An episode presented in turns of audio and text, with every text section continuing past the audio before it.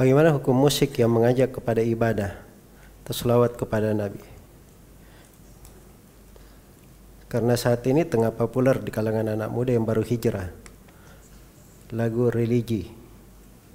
Mereka beranggapan bahwa mendengarkan lagu religi tersebut dapat membangkitkan semangat hijrahnya. Nah, ini belum berhijrah namanya.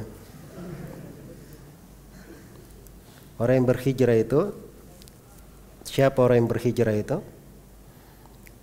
Diriwayatkan oleh Imam Ahmad dan selainnya Rasulullah dari Fadl bin Ubaid radhiyallahu taala anhu Rasulullah sallallahu alaihi wasallam bersabda wal muhajiru man hajara manahallahu anhu Orang yang berhijrah itu adalah siapa yang meninggalkan apa yang dilarang oleh Allah. Musik itu menurut kesepakatan ulama diharamkan.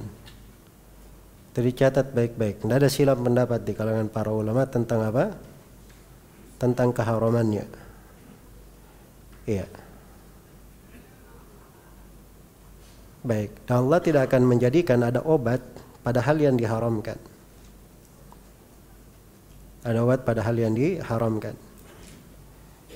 Jadi kalau dia katakan bahwa mendengar lagu membuat dia giat beribadah, berselawat kepada Nabi, itu hanya tipu daya syaitan saya. Mungkin kalau sekali atau dua kali seperti itu. Iya.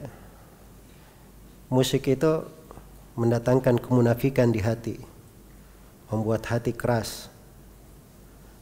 Menyesatkan dari jalan Allah. Wa minan nasi may yashtari lahu wal hadid liyudilla an sabilillah. Di antara manusia ada yang membeli ucapan yang sia-sia. Itu penafsiran sahabat ucapan sia-sia musik dan alat-alat musik untuk akibatnya dia disesatkan dari jalan Allah. Bagaimana dia bisa mengatakan bahwa dirinya membangkitkan dirinya untuk apa? Untuk ibadah. Iya. Dan ini sudah kena musibah sebenarnya sebab dia menganggap bahwa dia bisa beribadah kalau dengar musik. Itu sudah kena musibah dari sisi itu. Iya.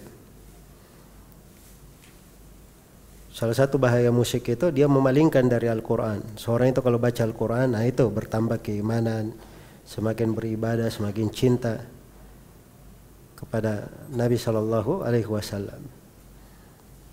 Baik.